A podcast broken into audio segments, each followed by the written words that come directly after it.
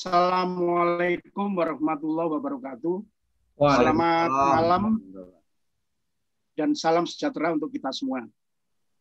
Kerabat TV Desa di mana pun Anda berada, perkenalkan nama saya Lantip Tri Sunarno. Saya eh, dosen di Departemen Teknik Sistem dan Industri Institut Teknologi 10 November. Pada kesempatan eh, bincang bareng SDG Center ITS malam hari ini, kami uh, ditemani oleh uh, narasumber yang akan membicarakan tema yang berjudul pemberdayaan masyarakat di kampung hidroponik melalui program PKBL Pelindo 3. Kerabat TV Desa, di mana pun saudara berada, kalau kita lihat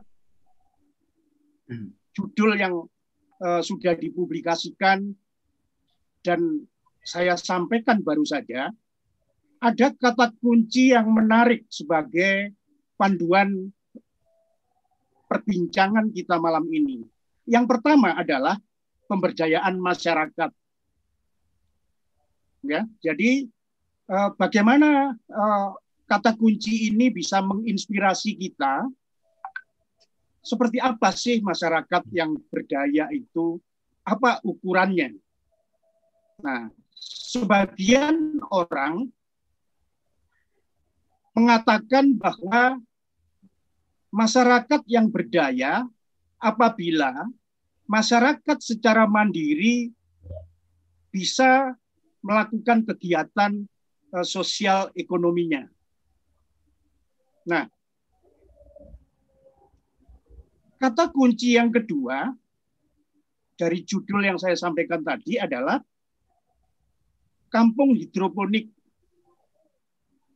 Nah, ini menarik sebagai sebuah contoh apakah kampung hidroponik sudah berdaya salah satu narasumber kita nanti akan menyampaikan pengalamannya tentu saja dengan segenap masalah, tantangan dan eh, peluang-peluang yang dihadapi ya ketika merintis dan mengembangkan kampung hidroponik.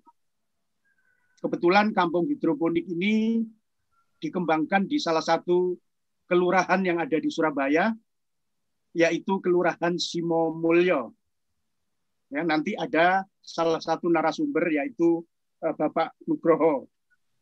Kemudian pemberdayaan masyarakat di kampung hidroponik ini dilaksanakan melalui program PKBL. Ini kata kunci yang ketiga. Jadi program kemitraan dan bina lingkungan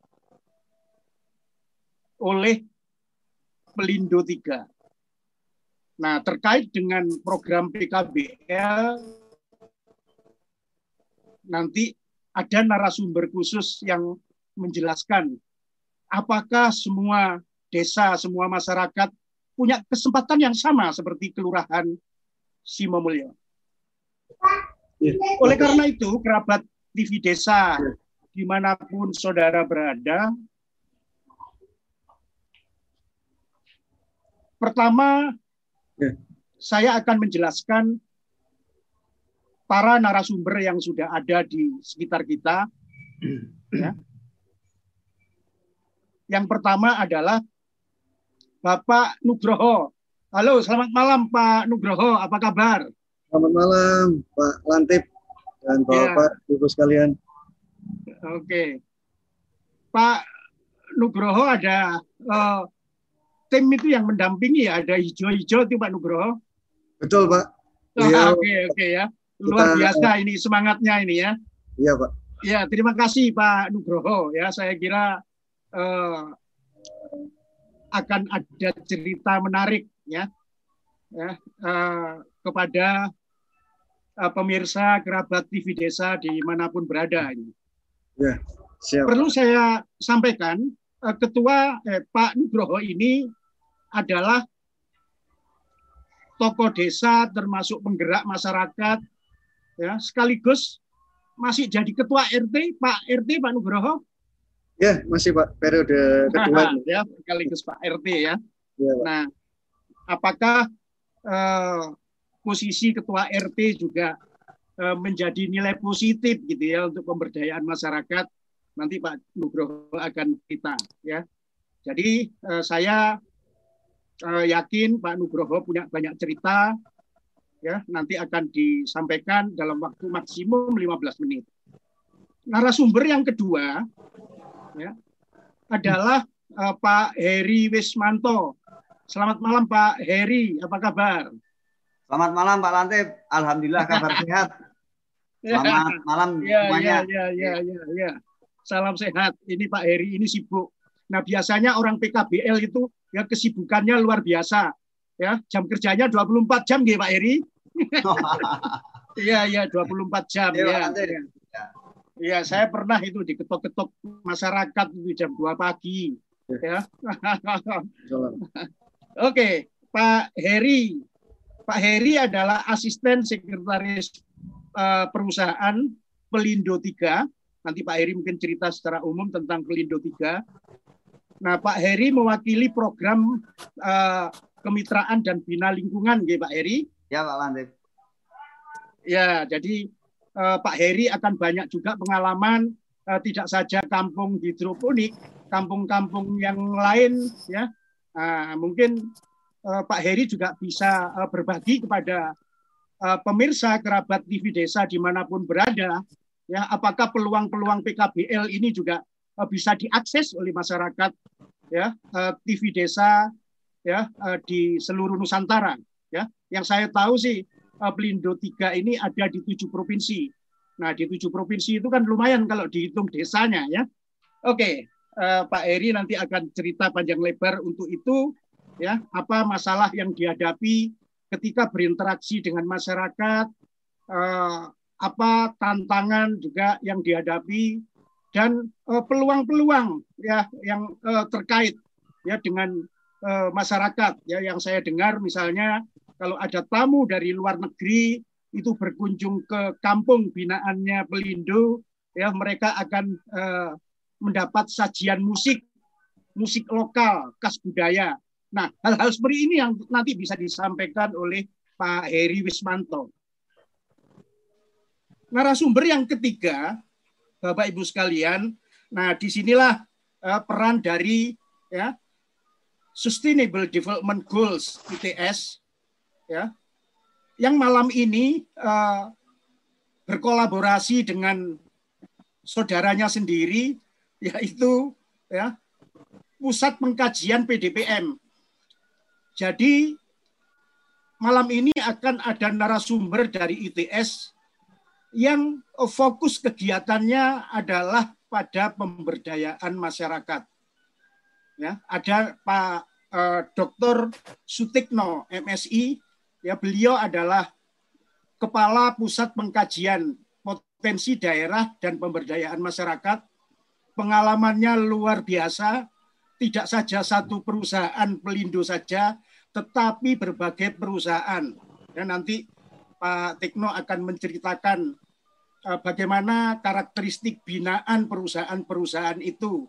Yang saya tahu sih ada Pertamina, ada PLN, ya, ada uh, perusahaan semen, ya, dan berbagai uh, perusahaan yang uh, terkait dengan uh, pemberdayaan masyarakat. Ya. Nah, keberadaan uh, perguruan tinggi tentu saja menjadi bagian penting dari uh, bagaimana kita perlu berkolaborasi, memecahkan persoalan dunia nyata yang semakin kompleks, yang semakin dinamis. Ya, kolaborasi sebagai sebagai salah satu kunci untuk memecahkannya. Nah, nanti Pak eh, Dr. Sutikno akan menyampaikan eh, pengalamannya, ya pendekatan-pendekatan yang eh, diberikan dan dukungannya kepada uh, masyarakat desa maupun kepada perusahaan. Begitu ya. Apa kabar Pak Sutikno? Saya sapa terakhir ini. Baik Pak Lantip, terima kasih. Ya. Yes. Baik, selamat malam. Pak, ya. ya, kerabat ya, ya. Banyak desa. hal yang bisa dibagikan pada malam ini Pak Tik ya. Ya, siap Pak Lantip. Baik ya. Uh, Bapak Ibu ya, uh, tentu saja uh, kalau kita semangat maka narasumber akan semangat dan moderator juga tentunya akan semangat begitu ya. Mudah-mudahan ya hasil perbincangan kita malam ini ya bisa mendapatkan manfaat buat kita bersama. Kerabat TV Desa di mana pun uh, Bapak Ibu berada, ya. Kalau begitu, mari kita simak kesempatan pemaparan narasumber pertama saya uh, berikan kepada Pak Nugroho. Silakan Pak Nugroho untuk memaparkan uh, pengalaman uh, cerita-cerita unik, menarik, ya. Kadang-kadang mungkin menyebalkan atau menyenangkan. Saya persilahkan Pak Nugroho. Siap, uh, terima kasih Pak Lantip atas waktunya. Selamat malam Bapak Ibu sekalian, pemirsa TV Desa. Uh, Selamat malam semangat pagi ya, walaupun sudah malam semangatnya masih pagi.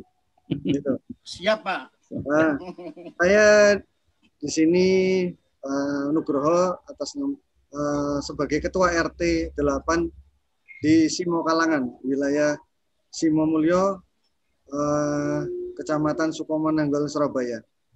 Saya tidak sendiri, uh, pada malam hari ini saya didampingi oleh Ketua Kelompok Tani Kebun Selada, Bapak Sunaryadi. Pak Sunaryadi, nah, itu Pak Sunaryadi, Pak, Ketua Kelompok Tani kami, dan juga Pak Haryono selaku Wakil Ketua Kelompok Tani. Uh, sedik, apa pengalaman yang kami uh, alami ya selama awal 2017 setelah kami ditunjuk menjadi ketua RT tentunya kita melihat bahwa di lingkungan kami itu banyak sekali permasalahan. Banyak sekali. Karena kita lokasi kampung kami itu sempit, ada di dekat jalan tol dan di tepi sungai. Jadi sebenarnya tempat kami itu kalau sungainya banyak apa? banyak sampah, kemudian di tol juga banyak orang yang buang sampah di situ. Tidak ada penghijauan gitu ya. Kemudian kegiatan-kegiatan kampung kita memang uh, kurang. Di situ kami bersama pengurus berupaya untuk uh, membuat program-program kegiatan untuk membenahi lingkungan.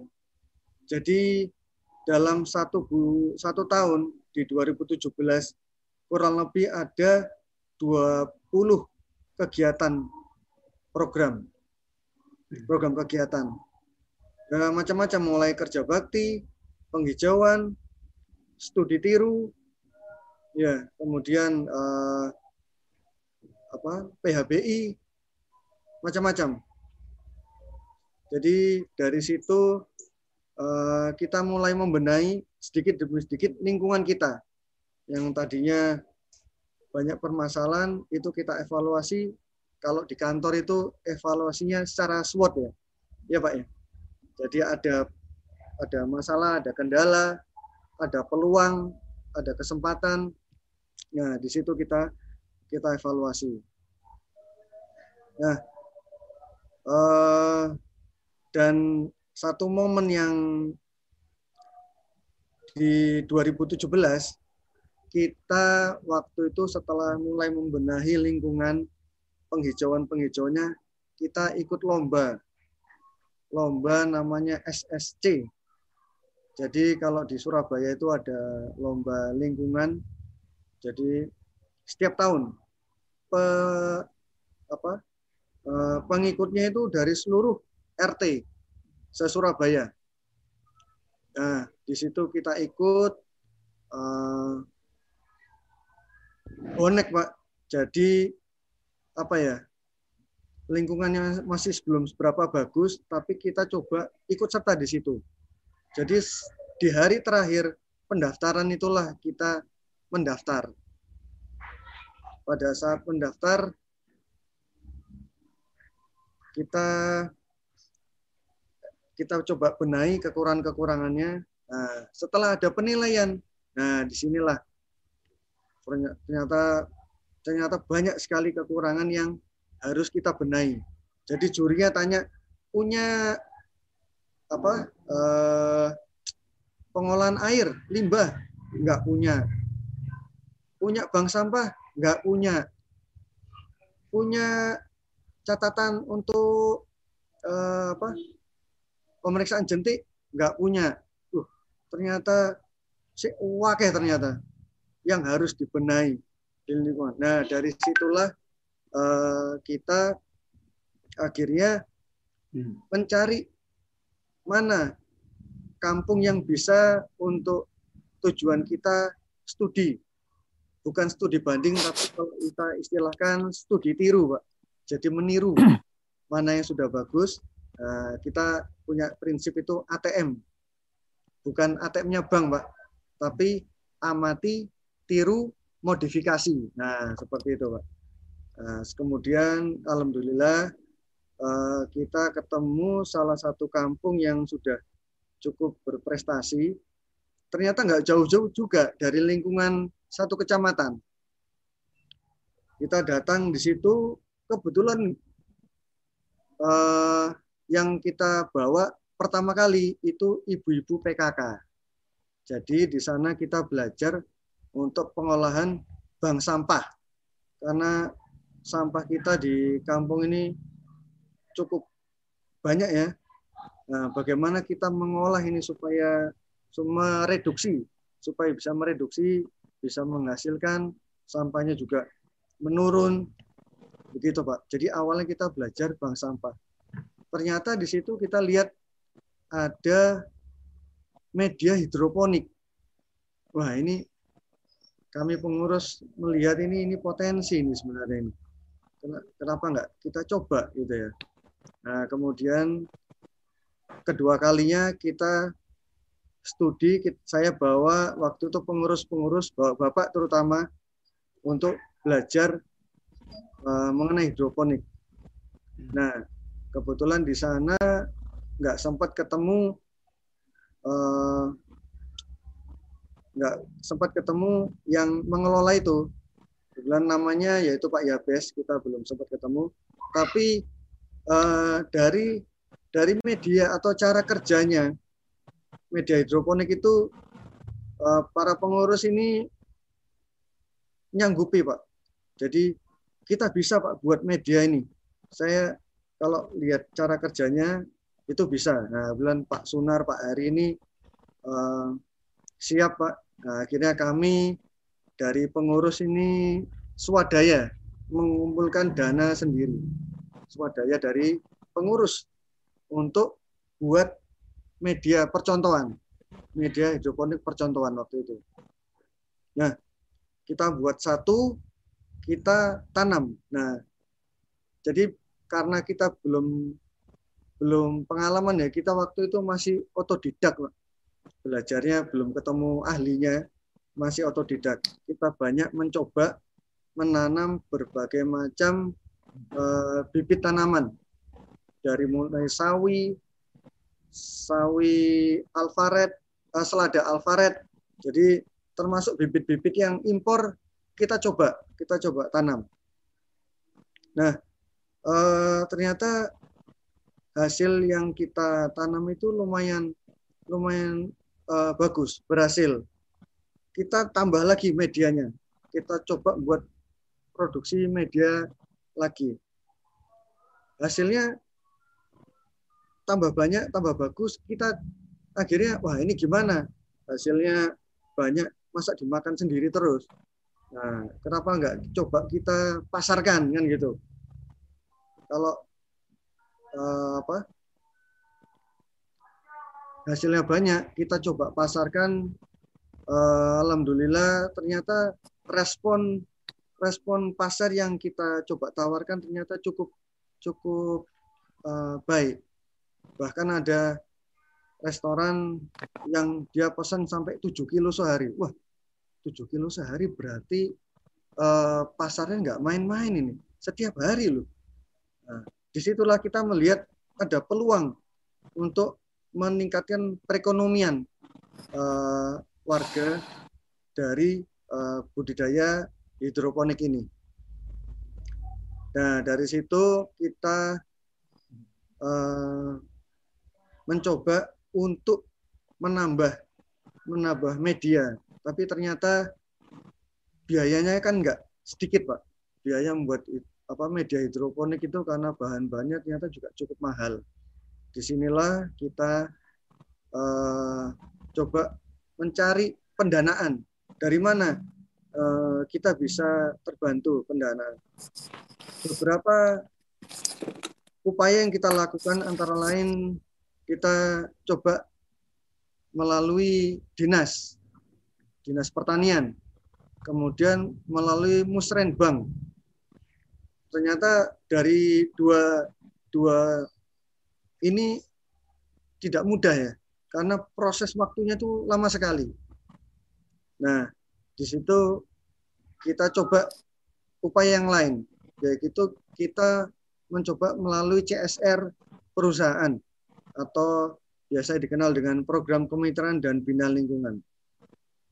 Nah, di sini kita menyusun proposal, proposal pengajuan yaitu yang kita ajukan ke beberapa BUMN. Jadi banyak banyak BUMN yang kita kita ajukan.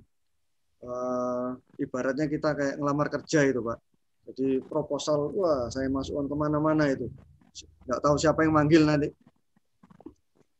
Dan uh, di sini alhamdulillah waktu itu uh, dari PT Pelindo uh, di sana mengevaluasi proposal yang kita ajukan, kemudian kita disurvei, Pak. Disurvei. Jadi uh, survei itu untuk melihat kondisi kondisi lapangan, bagaimana uh, yang sudah kita lakukan, kemudian uh, rencana ke depannya, karena karena jangan sampai seandainya Pelindo nanti membantu, itu ibaratnya jadi tugu. Jadi berdiri kokoh, tapi apa? Tidak berjalan, program ini tidak berjalan. Jadi hanya ada medianya tapi kosong. Nah, itu karena ini programnya berkesinambungan terus menerus. Berarti kan eh, yang dievaluasi eh, termasuk kesungguhan kita.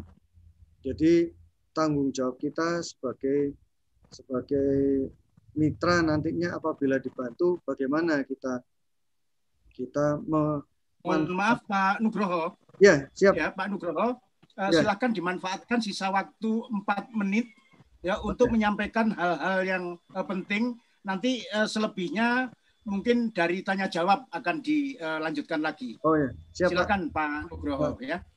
Ya, jadi alhamdulillah setelah dibantu dari Pelindo kita uh, manfaatkan betul uh, bantuan tersebut, kita maksimalkan sehingga kita juga dari sisi lingkungan, sisi pemberdayaannya, uh, kita bisa meraih prestasi uh, dapat lima penghargaan, Pak, sampai dengan tahun ini. Gitu ya. Jadi kita sudah mempunyai 1.500 lubang tanam dan suplai pasar kita sudah masuk ke uh, eh, PMC, jadi pasar modern Citraland. Di sana, Pak, pasar kita sudah masuk ke sana. Alhamdulillah, berapapun yang kita suplai itu diterima oleh pasar. Jadi, alhamdulillah dengan adanya uh, support dari PT Pelindo ini, kita banyak terbantu, Pak, terutama untuk meningkatkan uh, apa uh, produksi kita. Dan tentunya kita juga masih butuh arahan atau support dari uh, universitas dari supaya apa? Karena kita selama ini uh, apa namanya bel, tidak ada yang punya background pertanian atau teknik. Jadi kita berjalan uh, apa apa adanya. Kita berusaha masih berusaha sendiri, berkreativitas sendiri. Itu, Pak. Mungkin uh, itu yang bisa sampaikan Pak Latif. Baik, Pak Nugroho. Terima Siap. kasih ya. Uh, menarik meskipun uh, tanpa PowerPoint atau videonya belum dimunculkan, tapi ceritanya runtun, menarik, ya, menginspirasi, ya, uh, keingintahuan kita bersama. Mudah-mudahan uh, Pak Heri Wismanto ya uh, Pak Heri akan melanjutkan ya apa betul tadi cerita Pak Nugroho ya bahwa uh, kriteria kriterianya juga cukup ketat. Nah tentu saja Pak Heri atau Pelindo 3 ya mempunyai ukuran ya berkaitan dengan keberlanjutan dan sebagainya. Silahkan Pak Heri ya waktunya maksimum 15 menit Ya, nanti kita lanjutkan uh, di sesi tanya jawab kalau ada yang kurang. Monggo Pak Iri. Yes, terima kasih Pak Lantip selaku moderator. Uh, selamat malam kerabat TV Desa.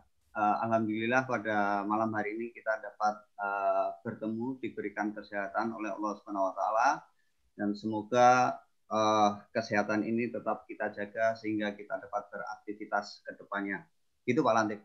Nah, uh, untuk PKBL dari Pelindo 3 sendiri uh, dapat kami sampaikan bahwa uh, Pelindo 3 atau Pelabuhan Indonesia 3 Surabaya uh, adalah suatu BUMN yang bergerak dalam bidang jasa kepelabuhanan, ya, khususnya jasa dermaga. Nah, di sini uh, selaku BUMN mempunyai mempunyai unit yang namanya program kemitraan dan bina lingkungan. Yang mana program PKBL tersebut mengacu kepada peraturan Menteri BUMN yang terbaru yaitu uh, peraturan nomor 2 tahun 2020 tanggal 7 April. Nah, di sini uh, program kemitraan bina lingkungan ini uh, dananya diambil dari laba uh, tahun berjalan uh, sebesar maksimal 4%. Jadi khusus untuk uh, TKBL ini maksimal 4%. Jadi silahkan untuk perusahaan pelindo akan uh, membaginya seperti apa. Misalkan untuk program kemitraan 2% kah atau program bina lingkungan 2%, silahkan. Itu uh, diserahkan oleh uh, pelindo 3. Nah, di sini program kemitraan dan bina lingkungan ini uh, ada dua program. Yang pertama yaitu program kemitraan. Nah, untuk program kemitraan ini adalah kegiatan untuk membantu meningkatkan kemampuan usaha kecil agar menjadi tangguh, yaitu dengan cara menjadi mitra binaan. Nah, adapun proses untuk menjadi program kemitraan adalah karena kita terbagi dalam empat regional dalam sembilan cabang penyalur. Jadi masing-masing regional melakukan survei ke calon mitra binaan sesuai proposal yang telah uh, tercatat. Kemudian hasil survei yang sekiranya dianggap layak, kemudian dibuatkan rekap dan diajukan ke regional untuk selanjutnya diajukan ke kantor pusat. Nah, dari daftar yang dibuat oleh regional tersebut, nanti dari kantor pusat akan membahasnya melalui komite kemitraan namanya. Jadi Pelindo 3 mempunyai komite kemitraan untuk membahas usulan-usulan dari masing-masing regional untuk calon mitra binaan. Nah, di situ setelah kita bahas bersama dan kita sepakati dan ataupun disetujui mana-mana saja eh, calon mitra binaan yang disetujui dengan besaran-besaran tertentu, nantinya kita buatkan daftar dan selanjutnya dimintakan persetujuan ke Direktur Pembina, dalam hal ini Direktur SDM. Nah, setelah Direktur SDM uh, mengproof atau memberikan persetujuan, kemudian baru kita kembalikan daftar yang sudah ditandatangani oleh Direktur Pembina ke regional untuk disalurkan atau direalisasikan. Nah, setelah itu baru masing-masing regional menyalurkan dana program kemitraan ini kepada masing-masing calon mitra binaan melalui perjanjian setiap calon mitra binaan. Nah, adapun uh, dalam program kemitraan ini uh, kita selalu kenapa saya katakan selalu karena setiap tahun selalu ada permasalahan yang dihadapi ya khususnya terkait dengan angsuran mitra binaan itu sendiri. Kadang mitra bin, yang mitra binaan yang akan mengangsur pinjamannya itu pasti takes. Kadang-kadang uh. Aku ngelihatnya di mana nggak tahu nih. Ya wis tuh lah. Di histori transaksi. Oke Pak Lantep diteruskan story transaksi. Silakan Pak Heri. Oh, ada dubbing masuk ini ada suara. Ya. Uh, tolong dibantu di Oke. Okay. Mute ya. Yeah. Nah, saya lanjut Pak. Jadi silakan Pak Heri ya. Jadi setoran-setoran ada beberapa setoran dari mitra binaan yang tidak teridentifikasi dari kami karena mitra binaan dalam mengangsur pinjamannya itu tidak dicantumkan nama si peminjam. Mungkin bisa dititipkan oleh saudaranya ataupun melalui ATM sehingga uh, di catatan kami dari pihak bank itu tidak tercatat atas nama si peminjam sehingga kami merasa uh, kesulitan untuk mencatat ini uh, angsuran dari siapa. Nah, uh, untuk mengatasi permasalahan tersebut, kami sudah untuk saat ini kita bekerja sama dengan pihak bank uh, untuk virtual account namanya. Jadi nanti uh, si peminjam saat melakukan pembayaran cukup mencantumkan kode akun yang telah kita berikan. Jadi sehingga sudah otomatis itu ketahuan nanti siapa dari siapa pembayarnya. Nah, itu dari ruang lingkup program kemitraan. Nah, kemudian yang kedua program bina lingkungan. Nah, program bina lingkungan di sini sumber dananya sama dari uh, laba perusahaan maksimal 4%. Nah, alhamdulillah di tahun ini sudah berjalan lima tahun untuk program kemitraan dana murni dari dana bergulir. Jadi dana yang uh, bergulir, dana yang telah kami pinjamkan kepada mitra binaan itu dapat kembali dan alhamdulillah perputarannya cukup besar dan dapat untuk mendanai program kemitraan. Sedang untuk program bina lingkungan karena ini bersifat dana hibah, jadi murni yang 4% dari uh, laba perusahaan disetorkan atau diperuntukkan untuk dana program bina lingkungan. Jadi untuk program bina lingkungan ini sebesar 4% untuk tahun 2020. Nah, program bina lingkungan ini uh, meliputi korban bencana alam. Ya. Mohon maaf Pak Heri, saya potong Pak Heri. Okay. Ya, Pak Heri, uh, Pak Heri uh, tidak cukup punya waktu banyak Nah, ya. mungkin bisa uh, difokuskan yang terkait dengan kampung hidroponik, Pak Eri. Oh, baik. Ya, bisa bisa difokuskan ke sana. Kecuali kalau nanti ada yang bertanya tentang PK dan BL, ya dan bagaimana mekanismenya. Nah, monggo Pak Eri difokuskan ke uh, bagaimana uh, pembinaan kampung hidroponik. Tadi cerita Pak Nugroho sudah menarik gitu, ya. Ada kriteria yang ketat dan sebagainya. Bisa yes. Pak Eri? Silakan Pak Eri. Yuk. Ya, monggo. Oke, kami teruskan Pak Lantip.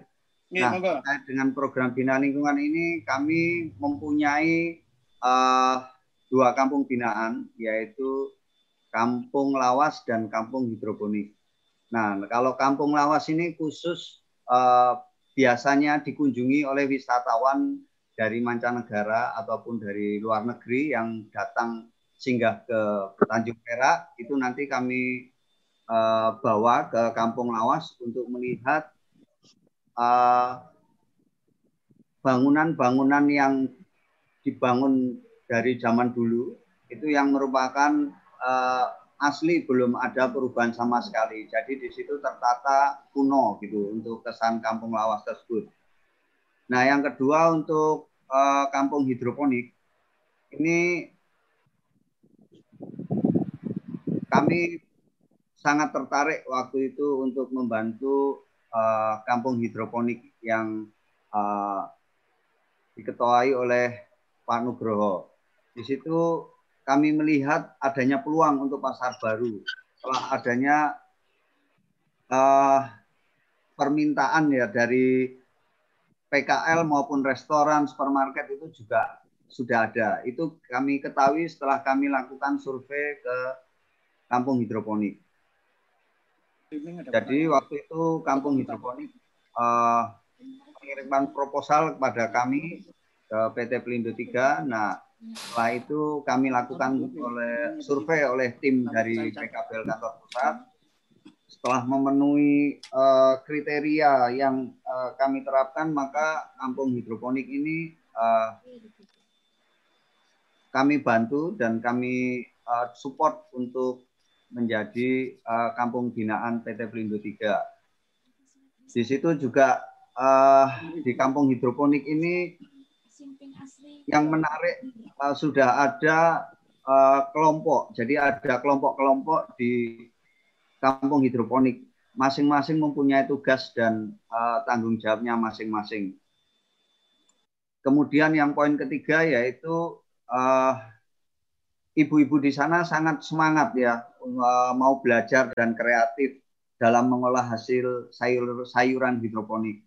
Bahkan uh, kami dari PT Pelindo 3 waktu itu setiap kali rapat untuk konsumsinya kita pesen ke kampung hidroponik ya untuk membantu uh, katakanlah masyarakat di sana sehingga ibu-ibu PKK di sana yang membuat kue-kuenya nanti diantar ke Pelindo dalam rangka untuk mensupport berlangsungnya rapat-rapat di Pelindo 3. Tapi semenjak COVID eh, adanya pandemi COVID ini memang di Pelindo 3 juga belum uh, belum ada rapat-rapat secara tatap muka sehingga untuk konsumsi sementara uh, stop dulu. Demikian mungkin uh, Pak Lantip dari kami dan mungkin nanti ada pertanyaan-pertanyaan. Uh, ya, baik Pak Eri. Jawab. Uh, terima kasih.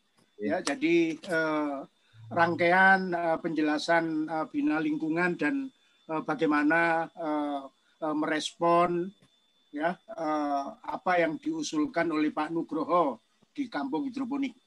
Nah, uh, kerabat uh, TV Desa ya di mana pun uh, saudara berada, uh, tentu saja uh, narasumber kita uh, masih ada satu Pak Sutikno, Dr. Sutikno akan menyampaikan apa saja dukungan terhadap perusahaan dalam hal ini Pelindo 3 dan apa saja yang bisa dilihat ya diteliti ya uh, uh, dengan uh, metodologi tertentu ya uh, agar uh, bermanfaat untuk menumbuh kembangkan ya uh, kampung hidroponik ini silakan Pak Sutikno mungkin uh, apa yang uh, tadi diceritakan Pak Nugroho ya, dilengkapi dengan uh, foto dokumentasi atau yang lain. Monggo Pak Tikno. Oke, uh, terima kasih Pak Lantip. Ya. Uh, selamat malam uh, kerabat TV Desa, Bapak Ibu yang hadir. Uh, semoga nanti sehat selalu Bapak dan Ibu. Uh, terima kasih kesempatan diberikan. Uh, mungkin uh, saya akan menceritakan uh, posisi ITS ya dalam ini kami dari pusat kajian potensi potensi daerah dan pemberdayaan masyarakat kaitannya dengan uh, budidaya hidroponik dalam ini telah di apa ini dibantu oleh peneliti. Nah, mohon izin uh, share Pak Lantip saya menggunakan slide ya. Kira-kira silakan itu. Pak Tikno. Ini masih ini uh, hostnya izin saya ini. Iya, uh, kerabat. Oh, sudah, sudah, sudah. Ya, silakan, silakan. Oke. Okay.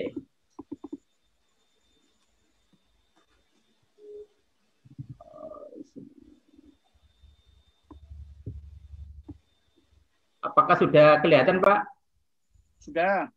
Sudah, Ge? Saya ini. Kelihatan, Pak. Ya. Sudah, Pak? Sudah. Alhamdulillah. Jadi uh, sebelum saya menceritakan nanti uh, pus, uh, apa yang uh, kami apa kami lakukan di kampungnya Pak Nugroho dalam hal ini uh, budidaya hidroponik, uh, ada baiknya saya ingin mencoba memperkenalkan dulu uh, pusat pusat kajian uh, yang ada di, di ITS. Jadi pusat kajian potensi dan pemudaan masyarakat itu adalah salah satu dari lima pusat kajian yang ada. Nah, yang ada di uh, Direktorat uh, Riset dan Pengabdian Masyarakat ITS. Nah, kami ingin uh, punya cita-cita menjadi pusat kajian pengembangan potensi daerah berbasis masyarakat ya maunya berreputasi nasional dan internasional. Nah, kira-kira seperti itu. Nah, kami pun juga dalam hal ini uh, dengan tujuan mengkaji persoalan pembangunan sosial dan lingkungan di Indonesia secara berkelanjutan, Pak. Jadi nanti cakupannya uh, seluruh Indonesia dalam ini nanti bisa jadi di sekitar ITS dan seperti itu, khususnya di uh, kampungnya Pak Nugroho seperti itu. Nah, Nah, Bapak dan Ibu, perlu saya sampaikan bahwa kegiatan yang kami mencoba membantu di kampung hidroponik itu bagian dari layanan kami di situ Eh, dalam ini bisa di riset, kemudian penyusunan perencanaan dan evaluasi program. Nah, dalam hal ini memang kami uh, diberikan amanah ya, awalnya Pak Pak Eri ya, kami diberikan amanah oleh Pelindo 3. Dalam ini kami diminta untuk melakukan evaluasi eh, program-program uh, kemitraan dan bina lingkungan. Nah, di situ uh, di awal itu kami pun juga diminta melakukan pendampingan program. Nah, itu yang sedang atau yang pernah kami lakukan dengan Pelindo 3.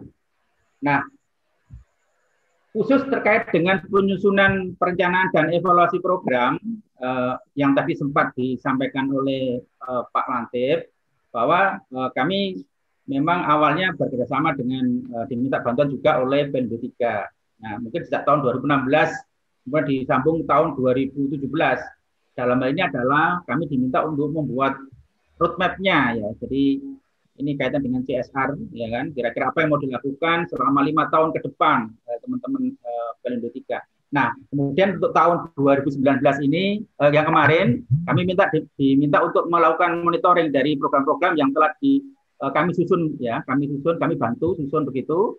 Kami diminta untuk melakukan evaluasi khususnya ada di tiga wilayah yaitu di Kampung Lawas, Kampung Kefir, dan Kampung Hidroponik.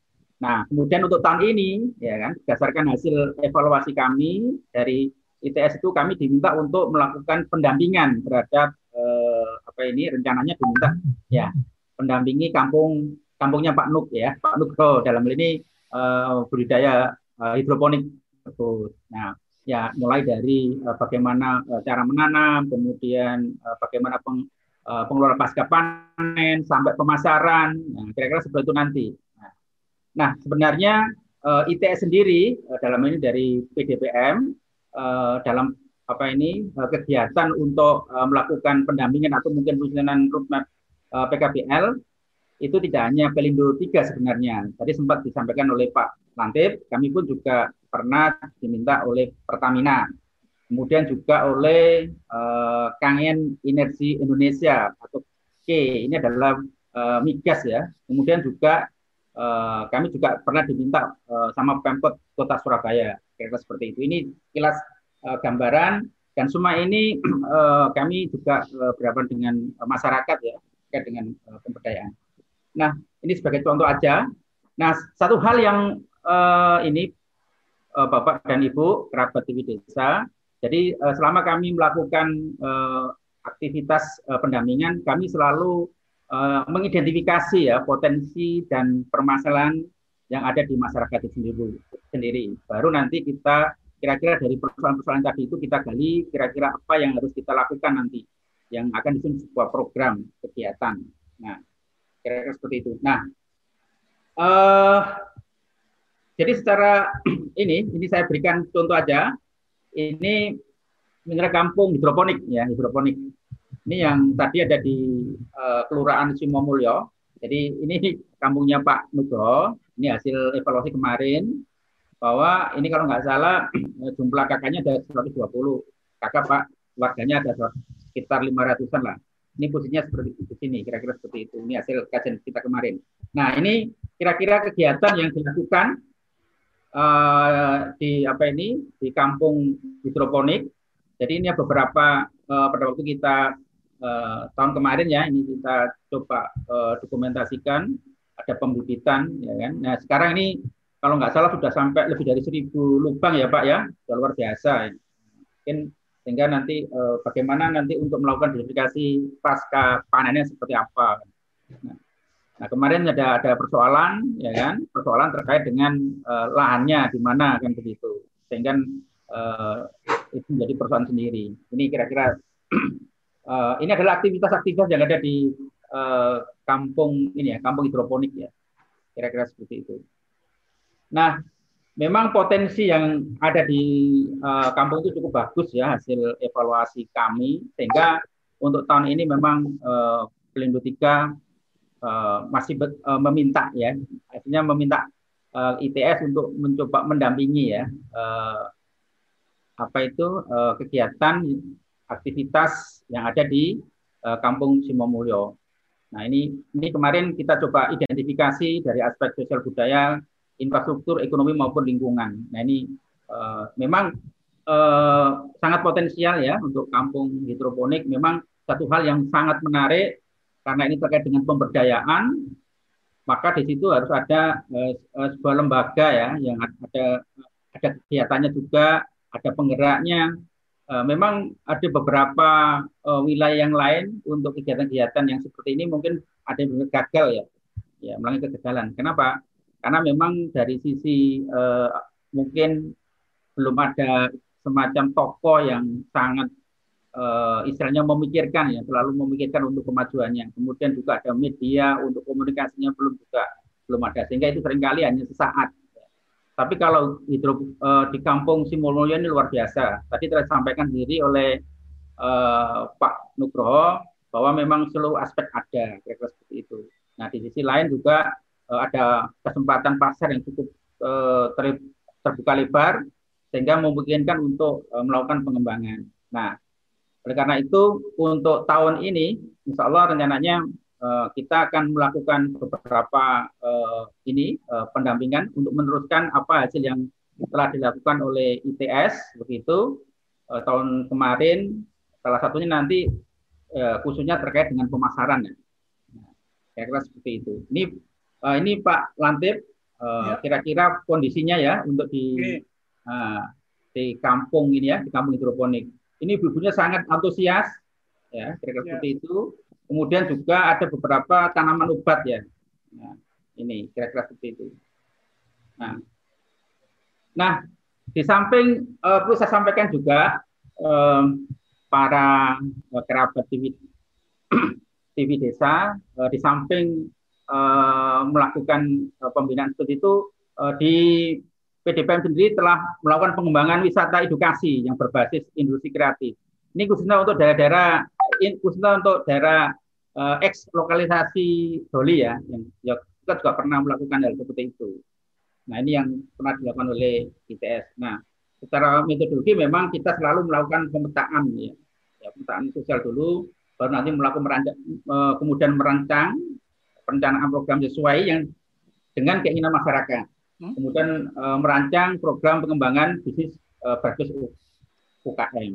Nah, baru kita melakukan desain pengembangan kampung, kemudian pengembangan desain untuk produk UKM, dan bagaimana kita merancang promosinya. Sehingga nanti kita akan e, mempunyai kampung wisata ya, ini ya, Doli Saiki, misalnya ada Doli Saiki berbasis industri kreatif. Nah ini ini uh, sisi lain uh, kami dalam hal melakukan uh, pendampingan kepada masyarakat, ya, uh, yang pernah dilakukan oleh uh, pusat kajian PDPM. Nah, ini masih terkait dengan ini juga uh, pengembangan wisata edukasi berbasis industri kreatif juga uh, X lokasi Doli. Jadi uh, Doli dikembangkan ya, tentu pasca ditutupnya Doli itu sangat berdampak ya kehidupannya. Ya memang dari sisi itu memang harus kita tutup, tapi sisi lain uh, berdampak pada uh, ini ya beberapa yang pernah beraktivitas di situ. Oleh karena itu perlu dipikirkan bagaimana uh, untuk merubah ya kira-kira. Nah akhirnya ada dari ide ITS seperti itu kita mencoba uh, beberapa ide yang uh, pernah kita sampaikan. Ini ada beberapa desain playground, dan Gang Doli ini kita kita lihat kondisinya seperti ini kita coba uh, apa ini kita desain sehingga lebih lebih menarik kira-kira seperti itu.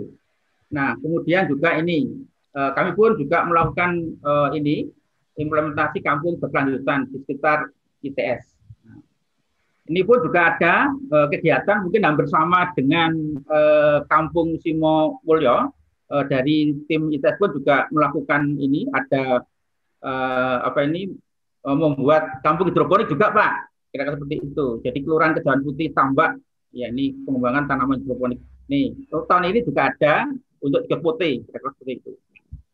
Nah, mungkin sekilas itu Bapak eh, Pak Lantip yang bisa saya sampaikan. Eh, nanti mungkin bisa kita lanjutkan dengan diskusi. Kira-kira apa peranan eh, ITS dalam hal ini terkait dengan eh, pengembangan eh, di kampung hidroponik Simo Mulyo. Kira-kira itu Pak Lantip, saya kembalikan. Baik Pak uh, Sutikno, uh, terima kasih ya uh, mempercantik uh, presentasi uh, bersama tadi begitu ya. Uh, ada PPT ya, uh, artinya uh, visualisasi apa yang terjadi di lapangan begitu. Nah, silakan Bapak Ibu kerabat TV Desa, kita masih punya waktu 35-40 menit ya untuk uh, memperkaya ya uh, informasi ya atau pengalaman-pengalaman uh, yang uh, mungkin akan bermanfaat untuk uh, kita bersama ya uh, disesuaikan dengan uh, permasalahan ya uh, Bapak Ibu kerabat TV desa di lokasi masing-masing. Silakan untuk ada yang bertanya mungkin bisa angkat tangan atau menyampaikan langsung dari Zoom. Saya lihat di sini ada Bu Fahima. Bu Fahima ini senang dengan hidroponik juga nih kelihatannya ya. Uh, silakan Bu Yanti atau yang lain.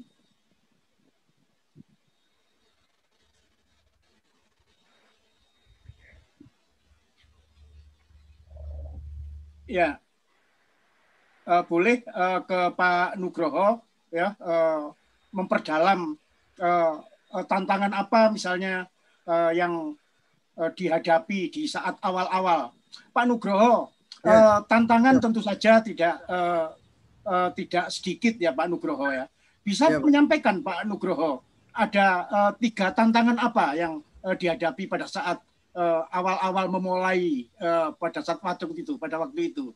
Silakan Pak Nugroho mungkin bisa dijawab dulu.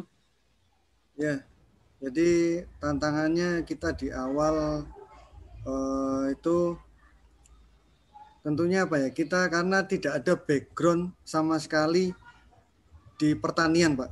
Saya sendiri sarjana ekonomi jurusan akuntansi, Pak. Terus ya. Nah, ini ya, tidak tidak ada background pertanian. Oh, boleh. Yang ya. kedua ya. apa, Pak? Yang kedua bagaimana mengajak uh, warga untuk aktif berpartisipasi, Pak. Oke, meskipun pada waktu itu Pak Nugroho sudah RT ya, Pak ya? Ya. Sudah ketua RT ya? Ya. Ya. Yang ketiga apa, Pak? Yang ketiga yaitu dia untuk mempertahankan uh, sustainable apa ya? Uh, keberlanjutan. Nah, jadi ya. jadi jangan hanya di awal setelah misalnya kita dapat penghargaan terus uh, melempem, Pak. Nah, di sini kan eh, kita pasar terutama yang yang jadi tantangan ini Pak. Bisa produksi kalau tidak ada pasarnya eh, ini eh, repot juga. Akhirnya kita nggak semangat. Nah, ini kan Oke. kita Akhirnya eh, bagaimana menjaga keberlanjutan ini Pak Nugroho? Ya, jadi eh, selain kita memproduksi, kita coba tawarkan tawarkan hasil produksi ini ke berbagai macam ya, berbagai pihak. Nah, setelah upaya itu kita lakukan step by step, perlahan demi perlahan, akhirnya di situlah kita dapat dapat pasar di eh, PMC ini. PMC ini luar Ya, yang. Citralen tadi ya. Citralen, Pak. Eh, Selain itu pasar apa Pak? Itu pasar apa sehingga eh, terkesan eh, kok permintaannya bisa terus-menerus continue begitu? Ya, karena kebutuhan sayur sebenarnya itu setiap hari, Pak. Sama kita di pasar tradisional. Tapi karena di sana itu menengah ke atas, menengah ke atas, dia sangat memperhatikan kesehatan. Memang harga sayur hidroponik ini agak mahal. Kenapa mahal? Karena sehat sendiri itu mahal, Pak. Gitu Oke. ya. Nah, kita tidak ada unsur obat-obatan eh, apa namanya. Jadi Oke. benar-benar benar-benar eh, sayur ini sayur sehat, Pak. higienis. Baik. Nah, Ya. gitu, Pak. Eh, terima kasih Pak Nugroho ya. Eh, silakan Bapak Ibu yang lain. Eh, saya ada beberapa catatan ini ya. Eh, ini eh, ditujukan ke Pelindo 3 ya. Pak Heri ya, Pak Heri. Oke. Eh, eh, dari Pak Amor Kodrat. Kalau ingin kerjasama kemitraan pengembangan desa dengan ITS, oh bukan ini dengan ITS ini, ya pengembangan desa dengan ITS, bagaimana prosedurnya dan peluangnya. Nah, dengan ITS Pak Sutikno ya, saya ulang ya Pak Tik. Ye. Kalau ingin kerjasama kemitraan pengembangan desa dengan ITS, bagaimana prosedurnya dan peluangnya. Ya. Ya. Nah, eh, kemudian eh, nanti Pak Tik mungkin eh, jangan dijawab dulu. Ada Michelle ini ya, Michelle dari mana saya nggak tahu. Bagaimana cara memulai kampung hidroponik serta biaya awalnya berapa? Nah, cara memulainya tadi sudah ya. Nah, mungkin biaya awalnya, tapi nanti saja Pak, setelah Pak Tikno ini. Nah, kemudian masih hidroponik, pasar penjualan hasil eh, tanaman hidroponik ke mana dan bagaimana Bapak menawarkan produk hidroponik? Oke, ya jadi eh, kira-kira itu Pak Nugroho ya dijawab setelah Pak Sutikno. Silakan Pak Tikno untuk pertanyaan Pak Amor Kodrat. Ya, Eh, terima kasih eh, Pak Amor Kodrat dan Pak Lantip. Jadi eh, bagaimana ini pertanyaan kan bagaimana prosedur kerjasama pengembangan desa ya eh, dengan itu begitu ya Pak Lantip ya? Oke, Yes. Jadi sebenarnya gini Bapak, eh, jadi eh, di kita sendiri eh, dalam ini adalah di bagian eh, Direktur Riset dan Pengembangan apa, penelitian ya, seperti itu di RPM-nya. Eh, kami membuka seluas-luasnya kepada masyarakat. Masyarakat itu bisa eh, masyarakat eh, umum maupun di eh, di instansi atau mungkin di perusahaan untuk eh, melakukan kerjasama, Pak. Kalau eh, mungkin Bapak bisa me- melayangkan surat, ya, melayangkan surat ke DRPM atau mungkin bisa juga eh, pu- ke pusat kajian kami, ya, yang di apa ini eh, mungkin disampaikan begitu kira-kira apa persoalan yang harus eh, persoalan yang dihadapi. Sehingga nanti kami akan mencoba ini Pak eh, istilahnya eh, melihat nah ini kaitannya dengan kalau melakukan kerjasama kan tidak hanya sekedar tenaga Pak kami eh, lembaga perguruan tinggi Pak eh, dari sisi tenaga pemikiran kami mungkin eh, ada seperti itu tapi biasanya sering kali itu masalah pendanaan nah pendanaan nanti Pak eh, satu hal yang menarik ya kan eh, pendanaan. Nanti kalau toh misalkan eh, dana kita eh, mungkin sangat ini ya terbatas, sering kali kita menggunakan dana-dana dari CSR. Nah dalam ini kami berkolega dengan Pelindo ini sering kali ya sering kali dengan Pelindo. Eh, demikian juga dengan beberapa perusahaan yang lain yang eh, mungkin ada eh, apa ini eh, sumber pendanaan. Seperti contoh misalkan kalau eh, kemarin kita kerjasama dengan Telkom terkait dengan kampung pintar. Nah ini cocok lah seperti itu kita dengan ini sehingga uh, beberapa uh, apa ini khususnya di ini bukan di, di Surabaya juga ya di kelurahan X Doli itu kami kerjasama dengan Telkom ya uh, untuk melakukan ya istilahnya pembinaan uh, di wilayah tersebut dengan pendanaan Telkom. Kita punya menyediakan tenaga. Intinya Bapak bisa menyampaikan surat Pak ke, atau mungkin ke pusat uh, kajian kami, kira-kira seperti itu. Nah, seperti itu Pak Lantip. Baik. Jadi sangat terbuka sekali Bapak kalau ingin ini kerjasama atau mungkin ada persoalan. Kira -kira. Baik, terima kasih Pak Tikno. Ya, monggo Pak Nugroho sudah uh, masih ingat pertanyaannya? Ya, jadi untuk itu ya biaya biaya produksi ya, biaya untuk oh, di awal di awal Pak. Bagaimana awal. cara memulai kampung hidroponik serta biaya awalnya, biaya awalnya Pak. Ya. Waktu itu mau iuran dulu atau uang oh, RT ya. atau gimana? Silakan Pak. Ah, ya, jadi kami memang in, berinisiatif itu dari swadaya pengurus dulu, Pak. Jadi okay. dari pengurus itu kita apa ya sifatnya urunan lah. Oke, okay. iuran ya Pak ya, iuran ya. Nah, ya. Tapi kita tidak Atau... melibatkan warga dulu. Kita okay. pengurus dulu. Nah, kemudian ada yang punya pipa nyumbang pipa gitu Pak. Jadi tidak harus materi. Jadi Oke. Okay. Setelah itu Baik. Nah, yang berikutnya uh, penjualannya ke mana? Ya. Yeah. Nah, bagaimana tadi kan sudah dijelaskan itu bagaimana Bapak menawarkannya? Punya relasi di sana atau e, berkenalan atau bagaimana? Silakan Pak Nugroho. Ya jadi e, pemasaran yang paling mudah itu melalui teman kan gitu. Kemudian Oke, relasi ya relasi. relasi ada relasi kemudian kita manfaatkan media sosial Pak. Nah, oh media medsos sosial, online. medsos.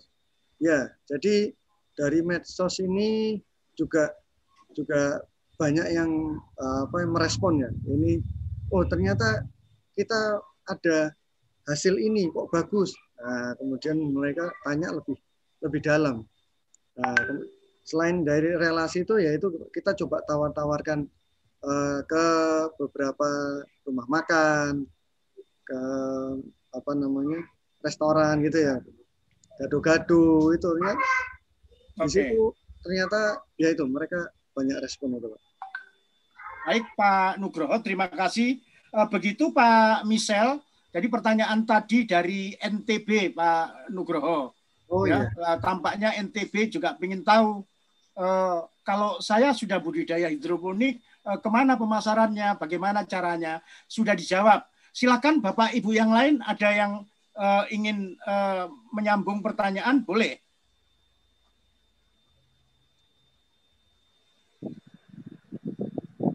Kalau ada pertanyaan, silakan.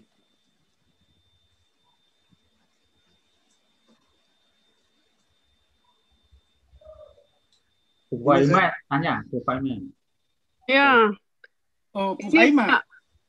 Ya, silakan Terima kasih, Pak. Ya.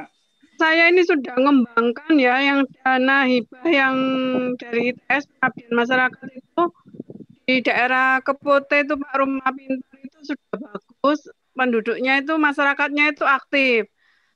Dia tidak mengerti pemasarannya. Mereka kan ibu-ibu yang di bawah tidak bisa lah untuk apa, memasarkan online itu. Enggak, enggak bisa. Itu gimana Pak? Apakah Pak Nugroho bisa membantu untuk pemasarannya?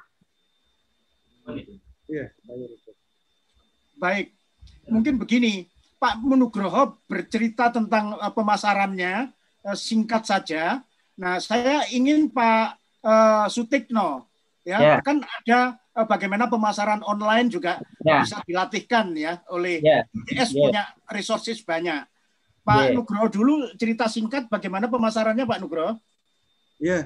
jadi memang kita uh, tahap demi tahap akhirnya ketemu dengan PMC itu ya jadi saya rasa di situ pasarnya cukup cukup terbuka.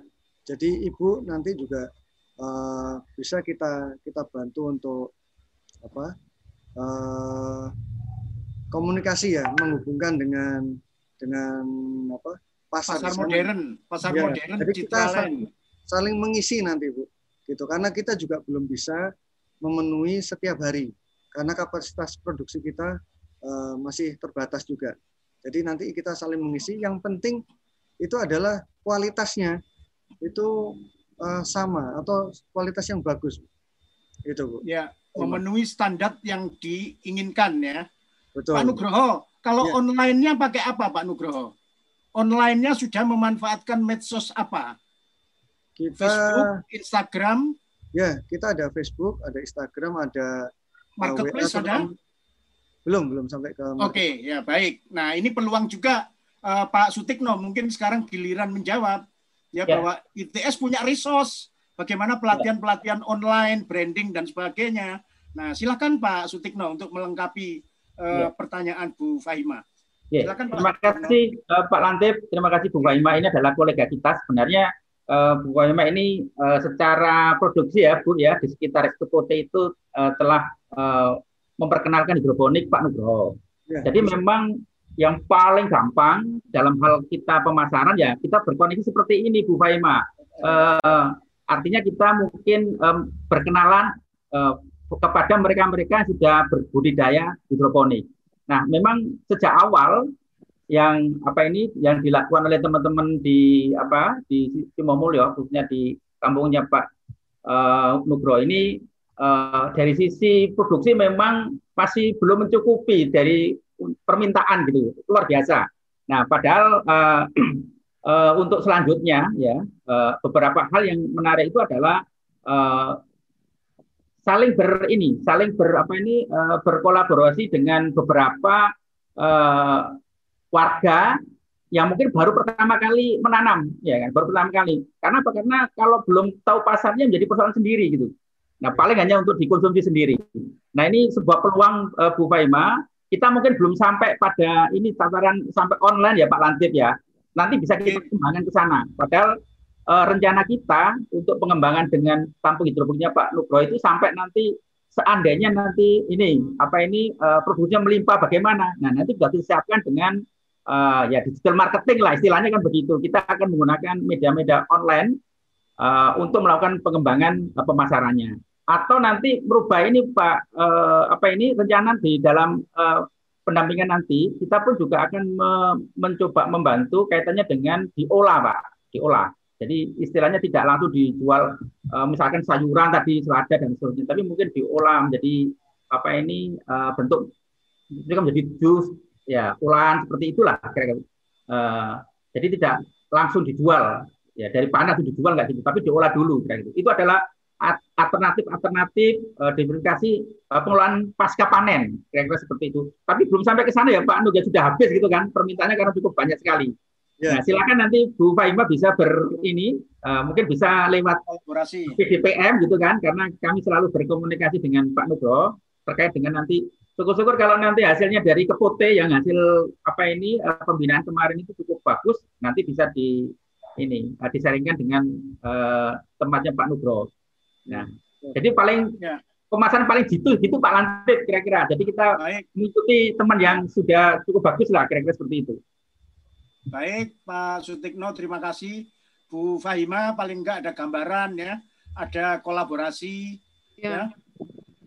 Pak Heri mungkin punya pengalaman atau punya mimpi untuk membangun uh, pasar uh, khas Pelindo begitu. Kalau tadi saya dengar Pak Heri itu memfasilitasi untuk eh, acara-acara uh, uh, rapat kegiatan uh, Pelindo ya Pak Heri ya untuk membantu pemasaran itu Pak Heri. Benar Pak Lantip. Oke. Jadi kami itu, uh, membantu dalam hal ini karena kami juga sering berkunjung ke sana. Kebetulan Pak Nugroho juga uh, merupakan pegawai Pelindo 3. Jadi uh, terakhir kami ke sana dengan uh, tim kami untuk uh, katakanlah uh, memberi apa ya memberi pencerahan kepada teman-teman warga di sana. Jadi uh, kami sampaikan juga bahwa uh, dalam hal ini untuk masa seperti ini kami belum bisa katakanlah uh, membantu lagi seperti dulu. Jadi okay, waktu okay. itu memang pernah kami uh, kerjasama dengan teman-teman uh, di sana di warga Sukomulyo uh, terkait khususnya snack-snack yang uh, kami uh, perlukan saat rapat-rapat. Jadi kami uh, turut membantu serta uh, pemasaran produknya dari teman-teman uh, kampung hidroponik. Begitu Pak Lante. Baik, Pak Heri, langsung saya sambung ada pertanyaan dari uh, Bu Yanti. Bu Yanti ini dosen di manajemen bisnis ITS. Mungkin Pak Heri juga sudah pernah mendengar. Nah, pertanyaan Bu Yanti ada dua. Yang pertama adalah apa strategi pemberdayaan Pelindo? Jadi strateginya eh, strateginya eh, Pelindo sendiri untuk pemberdayaan kriteria sektor kalau ada. Nah, jadi eh, sektor apa yang mungkin diprioritaskan? Gini, ya, itu pertanyaan pertama. Yang kedua, manajemen bisnis ITS punya banyak mahasiswa yang bisa bekerja sama ya. untuk meraih lebih banyak binaan dan sangat berkualitas. Nah, ada tawaran. Nah, Pak, ayo kerjasama magang mahasiswa dan eh, PKBL untuk mempercepat dan memperluas akses PKBL Pelindo. Apa sudah dilakukan ya dengan eh, kolaborasi ya dengan mahasiswa eh, perguruan tinggi ya. Nah, bagaimana Pak Heri? Dua pertanyaan itu. Uh, terima kasih. Yeah. Terima kasih Pak Lantip. Uh, terkait dengan uh, pertanyaan pertama, yaitu uh, di Pelindo 3 ini khusus untuk program PKBL, kami menitik beratkan uh, pada sektor pertanian. Jadi di sini kenapa di sektor pertanian uh, untuk program kemitraannya ya Pak ya di sektor pertanian kami di sini yeah. memang uh, ingin memberdayakan uh, para katakanlah mitra binaan mitra binaan kita yang ada di pelosok-pelosok gitu Pak, Pak Lantip. Nah mungkin ya. untuk yang Pak bisa lebih spesifik Pak. Pertaniannya ya. bisa lebih spesifik Pak supaya bisa dibayangkan.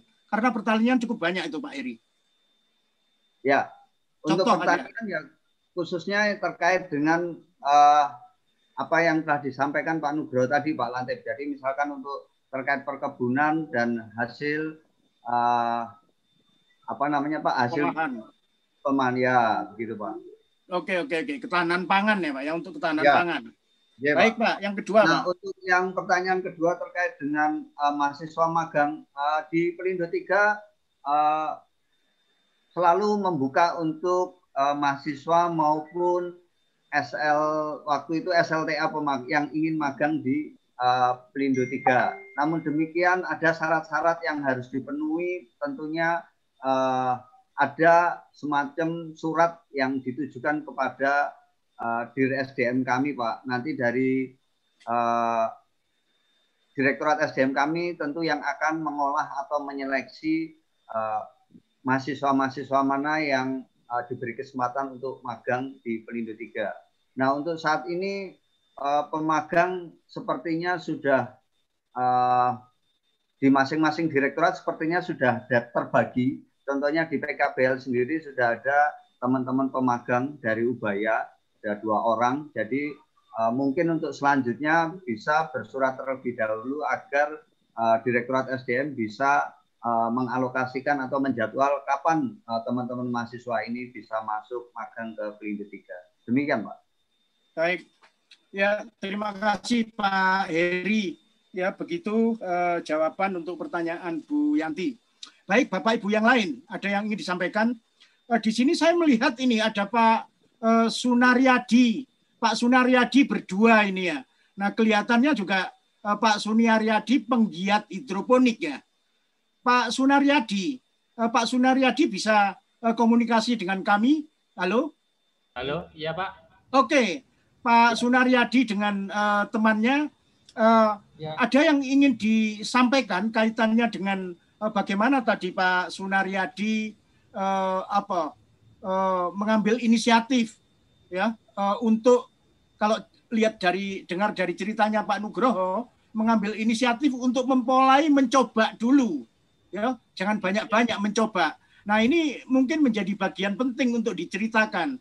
Silakan Pak Sunaryadi bagaimana ide mencoba itu dan apa sih tujuannya? Silakan Pak Sunaryadi. Terima kasih Pak Lantip Oke. terima kasih juga waktu yang diberikan kepada kami saya eh, juga mendapat apresiasi banyak sekali dari Bapak Ibu sekalian. Saya sebenarnya kalau mengawali hidroponik itu sebenarnya kita tidak ada. Cuman kebetulan eh, pertama kali itu kan ibu-ibu itu yang datang studi tiru, bank sampah, terus kebetulan istri saya ikut, okay. saya dikasih tahu ada tanaman kok di pipa gitu pak. Pak Latif hmm. kok ada tanaman di pipa gitu. Akhirnya di, difoto sama istri saya. Oke saya bisa bu. Kebetulan pada waktu itu saya dapat rezeki saya bikin. Jadi paginya saya diberi uh, siang dikasih tahu istri saya malam eh siang uh, sorean saya dapat rezeki saya dapat uh, uang itu saya belikan pipa kebetulan itu satu meter ya Pak Nugroho ya. Ya. ya. Itu satu meter itu. Setelah itu kita coba Pak nanam selada. Nanam selada itu hasilnya kok bagus sekali. Nah begitu panen pertama itu kebetulan ada ini ada teman yang mau sekalian tahu ke, ke, pertama kali itu dibuat bakso kalau tidak salah itu hmm. buat tambahan bakso itu Pak. Hmm. Nah itu Kemudian uh, masalah apa tadi Pak Latif? Yang kedua Pak Latif, mohon maaf. Ya, tadi yang pertama kan mencoba. Terus ya. tujuannya untuk apa sih? Mencoba itu tujuannya untuk apa? Untuk mengembangkan sendiri atau ada ada tujuan lain yang lebih besar? Nah, Dan kebetulan apa? ini kan di ini Pak Latif di eh, kampung. Kita hanya bagaimana untuk mengaktifkan perekonomian kampung untuk uh, supaya nanti grafiknya itu selalu naik, naik dan naik dan naik. Seperti itu kita berusaha untuk mengembangkan itu sama pengurus. Dan kebetulan pengurus juga antusias dan mendukung awalnya seperti itu Pak Latif. Oke. Cuman Pak, ya. Ya Pak Sunaryadi silakan dilanjutkan. Ya, cuman kalau kita melihat eh, kondisi eh, pasar sekarang ini memang kebetulan di kelompok kami itu sangat membutuhkan sayur banyak Pak Latif. Karena di pasar modern itu kalau bisa itu sehari bisa sampai 60 kilo kalau bisa. Lebih-lebih kemarin lebih-lebih dalam situasi COVID-19 ini. Iya, betul. Oke. Malah lebih banyak permintaan Pak Latif. Informasi menarik ya. Iya. Terus kemarin ada permintaan juga kangkung itu sehari 10 kilo, tapi kita belum bisa untuk melampaui itu karena kita eh, kendala dari produksi kita yang belum mencukupi Pak Lantip. Oke. Tapi untuk pemasaran Baik, kalau boleh tahu memang bagus. Pak Sunaryadi, kalau boleh ya. tahu Pak Sunaryadi ini pekerjaan utamanya apa sih? Saya sebenarnya cleaning service, Pak. Oke ya luar biasa. Artinya apa? Eh, cerita-cerita fakta seperti ini itu eh, saya kira eh, patut menjadi contoh ya ya bisa jadi seperti bapak ini punya inisiatif yang bermanfaat begitu ya untuk untuk kelompok masyarakat komunitas RT RW ya. Nah ya. ini yang saya maksud uh, cerita menarik yang bisa dibagi ke yang lain ya. Nggak harus uh, nunggu jadi uh, manajer dulu atau apa begitu untuk ya berbuat uh, sesuatu atau berkontribusi pada uh, hal yang positif. Ya terima kasih Pak Sunaryadi ya. Ya Pak. Sama-sama Pak Oke baik masih ada yang uh, penasaran untuk uh, memperbincangkan seputar pemberdayaan masyarakat hidroponik dan uh, peran perguruan tinggi dan PKBL perusahaan, silakan. Mungkin uh, ingin bertanya yang lain. Uh, mungkin Pak Lantip di chatting itu ada Pak Lantip. Oh ya, saya sebentar, sebentar ya ya. Nah ini ada dua chat ini ya. Uh, Oke, okay. Juju Juarsi. Program pengembangan desa seperti eh, program pengembangan desa seperti apa ada di semua perguruan tinggi. Oh, program ya program apa saja begitu ya yang terkait dengan pengembangan desa di perguruan tinggi.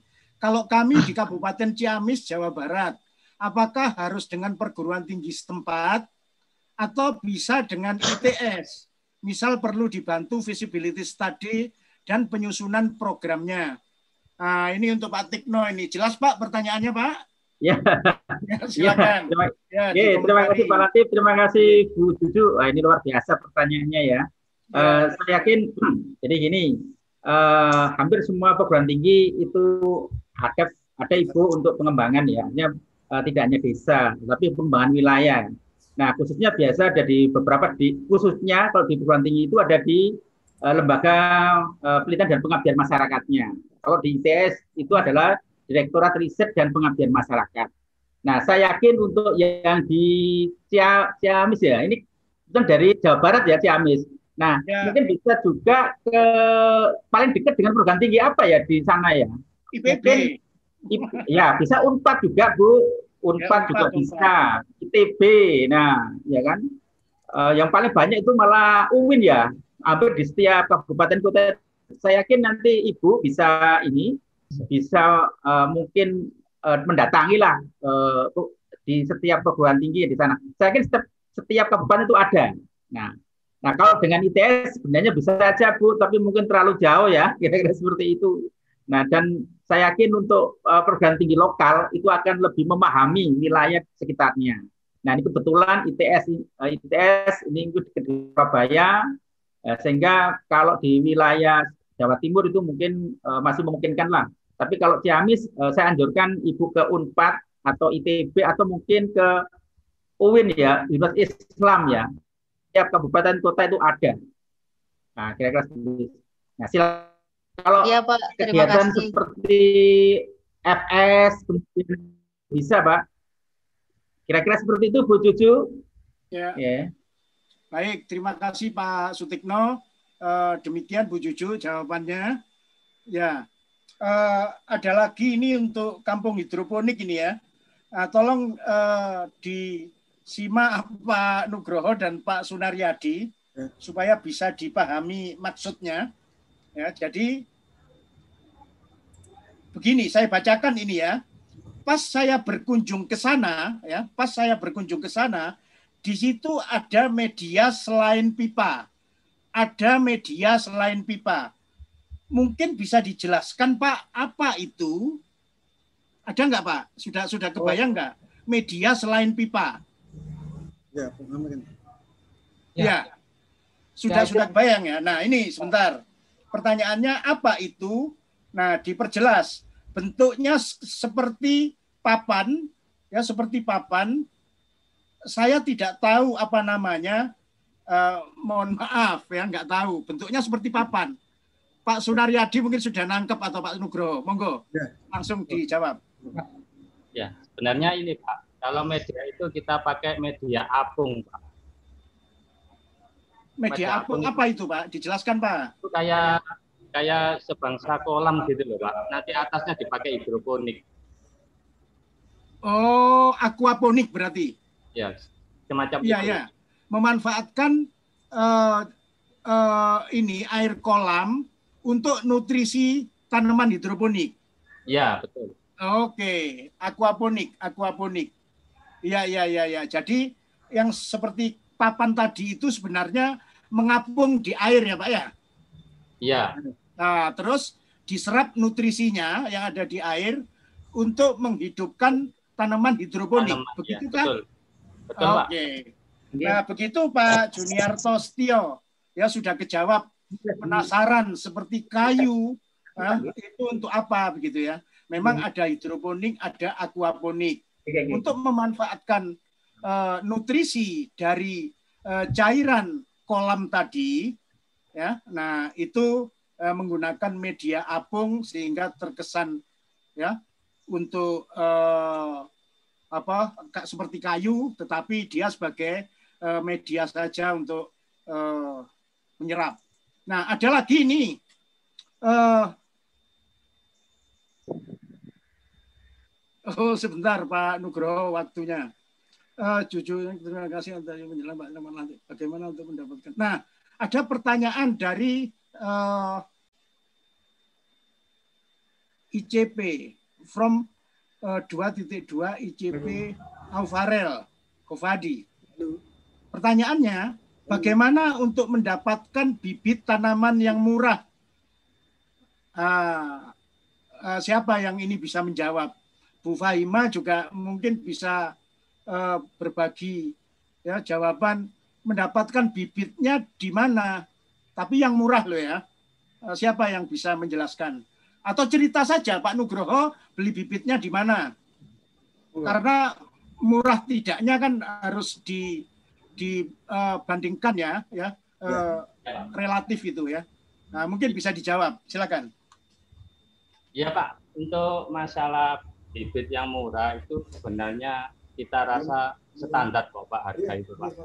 Cuman memang kita kebetulan bekerja sama dengan pecinta hidroponik Surabaya dan juga eh, bekerja sama dengan bibit atau benih yang panah merah itu itu kita di disuplai dari PHS pecinta hidroponik hmm. Surabaya. Nah nanti panah merah itu jualnya ke PHS Pak. Oh gitu, ya ya ya ya. Cuman kemarin hey. seperti itu.